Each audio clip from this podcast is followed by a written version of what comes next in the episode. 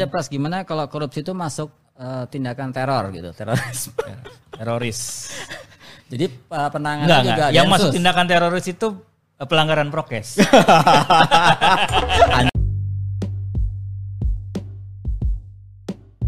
aja Pras gimana kalau korupsi itu masuk eh, tindakan teror gitu teroris teroris. jadi eh, penanganan Enggak, juga enggak. Yang Densus. masuk tindakan teroris itu eh, pelanggaran prokes. hancur lagi kacau lagi Gimana nih? Lo kabar-kabar bawa kabar apa lo? gue nyinyir dikit gitu Iya, ya harus nyinyir lo. Di Banyak tempat gua harus banyak nyinyir. yang nggak apa-apa gitu Lo jauh-jauh ke sini nggak nyinyir Gue jadi ingat percuma. gitu. Ini jadi saya ingat dulu waktu rame tuh yang lama sih meskipun udah diluruskan ya. Hmm. Eh, Perpu yang disisipkan legalitas Apa tuh? eh, perdagangan minuman keras gitu ya. Penjualan miras Oh iya, itu. miras. Itu kan Miras, buat minuman para keras. pendukungnya itu kan wow dicari argumen yang pokoknya supaya bisa itu gimana Mm-mm. jalannya. Itulah kearifan lokal segala macam. gitu ya. Setelah itu kan ada reaksi keras ya dari Iya. masyarakat termasuk juga akhirnya apa itu presiden kita setelah mendengarin masukan dari ulama Dan mungkin juga denger lagunya Bang Haji Oma Irama. dulu aku suka padamu, dulu ini aku memang suka. vokal enak ya, gitu ya, apalagi kalau dia ya. sambil main gitar gitu kan gitu ya. Jadi Mirasantika itu minuman keras ya. Dan eh, narkotika itu lagi-lagi pas enak tuh kayak Dulu aku suka padamu, dulu aku memang suka. ya Ya, ya. Presiden kita mendengar ya berarti ya. tapi Kayak kemarin KPK KPK 75 orang yang terancam di non di nonaktifkan karena tidak lulus tes wawasan kebangsaan eh kebangsaan. Kebangsaan ya? Sorry gua keceplosan. Di minta maaf disclaimer kita ngomong gitu. dengan cinta bukan Iya. bukan mengenyak ya bukan me- menghina. Itu kan akhirnya eh, walaupun itu siapa? Juru bicaranya tuh ya, ngawalin nyebelin gitu. Eh ngabalin ya? Gua Banyak. tahunya nyebelin gitu. Jubirnya tuh ada banyak kan Ada di banyak, ngabalin sama itu bela-bela banget dengan eh ah lo tahu sendirilah itu si bapak itu kalau ngomong. Akhirnya gimana Jokowi nasib dia? Eh, nasibnya selalu kepake gitu. orang yang pintar berpolitik ya kepake. Di Indonesia gitu yang penting lo pinter. Iya, gitu. Lo pandai bersilat lidah maka lo kepake gitu loh dan lo pandai berpindah hati lo kepake di pemerintahan siapa pun gitu Dalam kasus ini gue salut sama Presiden Joko itu. Dia mendengarkan masukan. Mm-mm. Tapi sayangnya belakang. Ya kan selalu begitu. Di film India kan polisi datangnya terakhir. yang jagoan belakang terakhir ya kalau datang ya. Iya kayak Kalau di gitu film, di gitu. film gitu. Iya kan dunia politik nggak jauh dengan film kan, sama-sama aja. Ada skenario. Kalau ada terakhir apa. tadi kasus ini ya 75 Iya. penyidik dari KPK yang kalau kita ngikutin para kritisi gitu ya, yang mencoba melihatnya lebih dalam lagi, menguak lebih dalam lagi. menguak.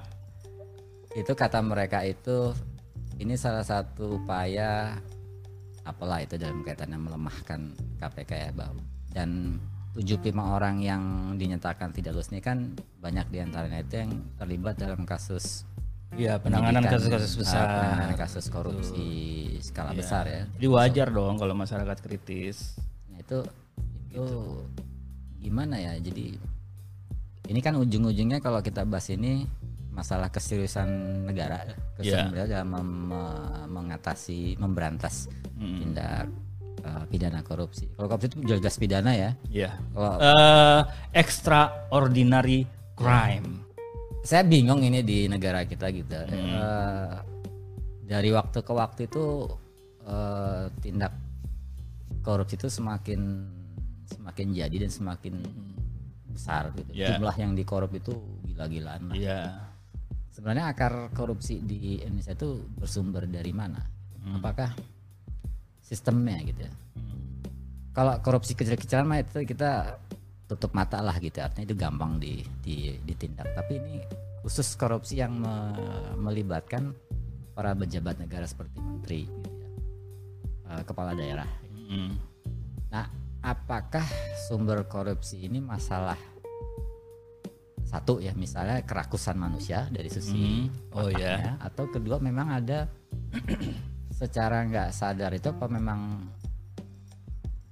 eh, kita nggak nggak bermaksud seperti itu tapi ternyata bisa menimbulkan itu gitu ya Iya, jelasnya misalnya apa? sistem misalnya sistem pengangkatan eh, pejabat pejabat. Hmm. yang Jadi lo mau menyatakan bahwa peluang- ini eh, penyebabnya adalah sistem. ya sistem Heeh. misalnya gini ya dulu kan udah pernah rame tuh tentang kritik tentang kebijakan apa presidensial threshold Ya.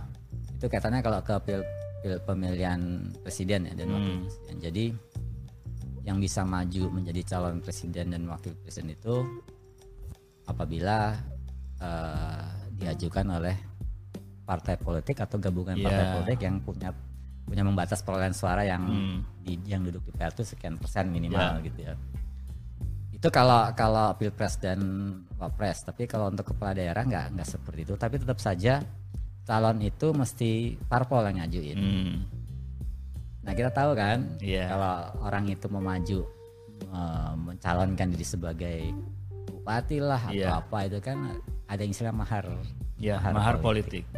itu kan nggak kecil Oh iya. Gitu. Besaran. Iya kan triliunan Ma- kalau presiden mungkin nggak bisa dibandingin dengan mahar batu akik. makanya ada kejadian kalau kepilih orang pada stres gitu Iya. itu calon-calon yang mungkin kelasnya masih kelas kecil ya Iya. ini kalau kelas yang wah itu kan Hmm. nah kita bisa bisa bayangin tuh kalau mereka maju ngelamar ya agar partai Iya. itu bisa bisa eh, nerima mereka untuk dicalonkan itu kan mereka harus gelong- gelontorin dana yang begitu besar kalau mereka nggak punya sendiri kan mereka akan ngajak cukong gitu Ya, yang betul. punya punya modal. Kemudian kalau kemudian mereka itu dalam pil- pemilihan kepala daerah atau apa itu menang kan ada feedback Oh iya dong. sosial ekonomi sosial eh, ekonomi politik ya, Iya. ada balas jasa lah. Balas jasa. Nah ini yang saya bilang apakah ini sistem ini membuka peluang dan potensi yang cukup kuat terjadinya praktek-praktek korupsi gitu. Atau tadi hanya sebatas watak memang dia rakus gitu mau kayak gimana aja di mana-mana ya dia Kalau gue lebih setuju itu eh, bisa dari segala faktor ya. Sudahlah wataknya gampang. Mungkin sebelum dia jadi pejabat yang akhirnya korupsi, ya, dia sebelum jadi pejabat juga udah memang gayanya suka gitu ya. gitu main-main proyek yang mencari lebihan tidak legal kayak gitu biasanya kan itu kebiasaan ya orang yang terbiasa melakukan hal buruk ya dia tidak berubah itu menjadi watak menjadi kebiasaan gitu. Berlanjut lah gitu. ditambah sistem Nah ini. ya lingkungan politik yang memang korup. Terbuka eh, eh, lingkungan politik yang membuka peluang untuk korupsi gitu. Yang gue pernah tahu ya dalam satu partai politik politik saja persaingan orang-orang yang mau maju jadi calon bupati misalkan Iya. bahkan calon anggota DPR itu persaingan ada loh sesama mereka wah siapa yang bisa ngasih mahar itu yang diusung oleh satu partai Iya. dan dari partai yang sama mungkin dalam dari partai yang Iya. sama itu ada mereka persaingan sesama teman agar mereka yang lolos jadi eh, anggota DPR atau anggota DPRD kayak gitu tuh gue dapet curhatan langsung dari teman-teman gue yang memang kiprahnya di partai politik kayak gitu Ya. Jadi memang lingkungan dan sistemnya memang korup apa mungkin nggak salah nggak ya gue bilang lingkungannya tuh korup sistemnya korup lebih tepat mungkin sistemnya membuka peluang untuk terjadinya korupsi gitu Meskipun itu legal ya sah ya itu ya disahkan. iya mereka mereka yang ngesahin Itu juga sebenarnya dari kalau kita bicara men- menyimpang sedikit keluar dari soal korupsi. Hmm. eh, pemilihan kepala daerah atau pilpres yang menggunakan sistem itu kan juga seperti apa sih mengamputasi kedaulatan rakyat. Jadi rakyat nggak Iya. punya calon yang memang benar eh, mewakili keinginan mereka sendiri gitu. Karena emang di, diambil alih oleh partai gitu. dan kita ngelihat lah eh, pemilihan umum yang eh, terakhir lah ya Ya. Ini gue tanya sendiri sama gue bukan tanya gue ngelihat sendiri karena gue kan eh, hadir di TPS gitu kan itu warga kita yang di Jakarta gue saat itu kan bingung mau milih siapa untuk anggota DPR Saking banyaknya DPR. sih juga sih. nggak kenal gitu loh mereka nggak kenal siapa ya gue bingung mau milih siapa akhirnya aja asal kancing. kan. Iya Ngitung kancing ya. ada rata-rata yang pilih yang nomor atas. Itulah kenapa dalam persaingan ada persaingan internal tadi di dalam satu partai mereka eh, pengen dapat posisi pencalonan yang paling atas Oh gitu. dan itu ada rate-nya gitu loh. Oh kalau ditaruh Karena di kecenderungan posisi- masyarakat udah pilih yang paling atas deh. Oh gitu. Kayak gitu. Gitu. Akhirnya itu fakta ya. Kembali ke yang lo angkat tadi. Masyarakat kita nggak kenal siapa yang dipilih. Gitu loh. Iya. Faktanya gitu kan. Ya akhirnya yang dikenal kan cuma presiden sama calon wakil presidennya Gue doang. aja sekarang nama menteri nggak nggak apal. ada yang Iya. tahu. Gitu. Gua apal kalau yang punya kasus. Ayah menteri menteri sosial siapa?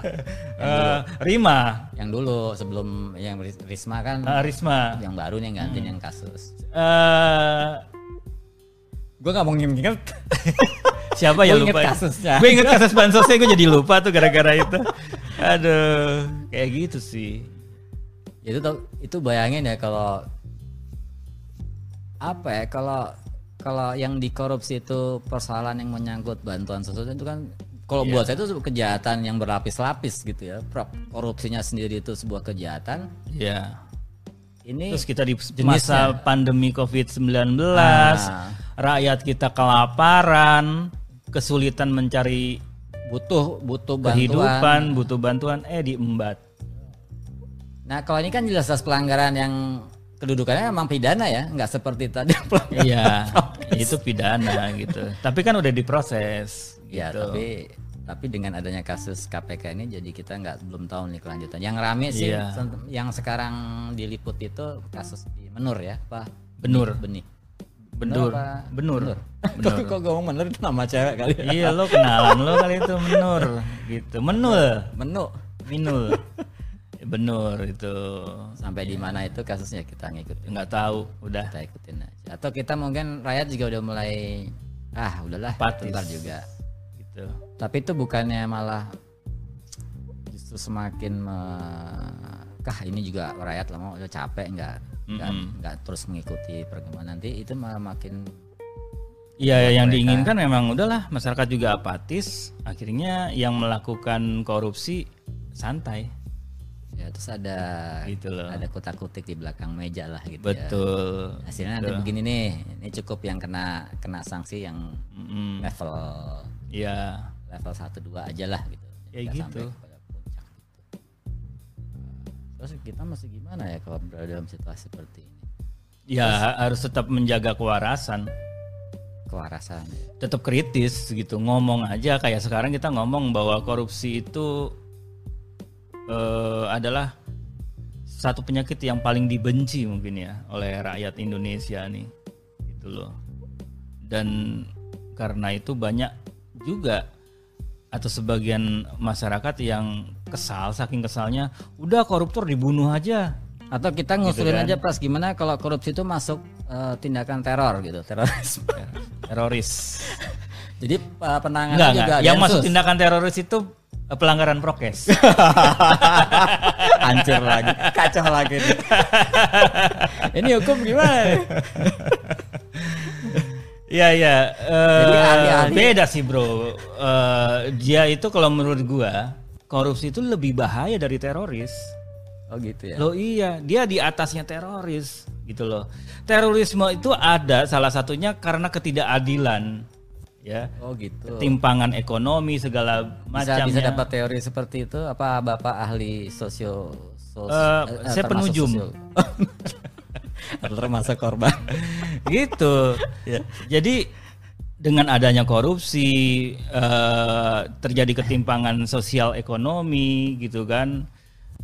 Ya itu kan masyarakat jadi gampang dipicu eh, sentimennya sehingga akhirnya oke ini kita harus berjuang, kita ubah negara ini dengan negara yang lebih adil. Kamu ikut akhirnya terekrut lah. Apa, apalagi orang yang mungkin polos ya, Iya. pengaturan agama ini. gue gitu kan polos kan.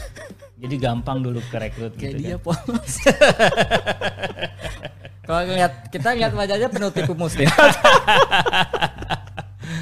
Kayak gitu sih. Jadi gua tetap eh, memposisikan eh, korupsi itu adalah eh, kejahatan paling tinggi di dunia nih.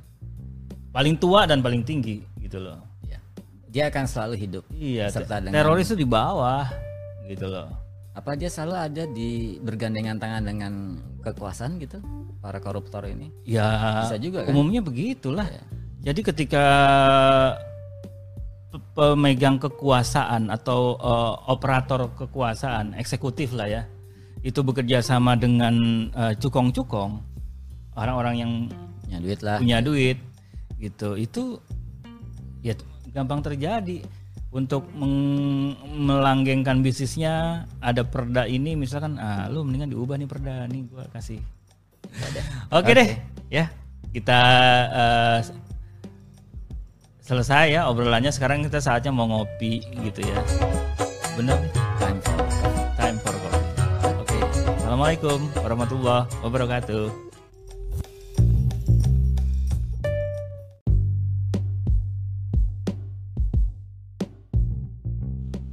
Terima kasih sudah mendengarkan podcast MT. Eh, berbagai topik juga sudah dibahas lebih dulu eh, di episode yang sebelumnya. Anda bisa browsing di eh, daftar apa saja yang sudah saya publish dan untuk apa yang belum saya publish selalu nantikan podcast MT. Terima kasih, Jabat Erat.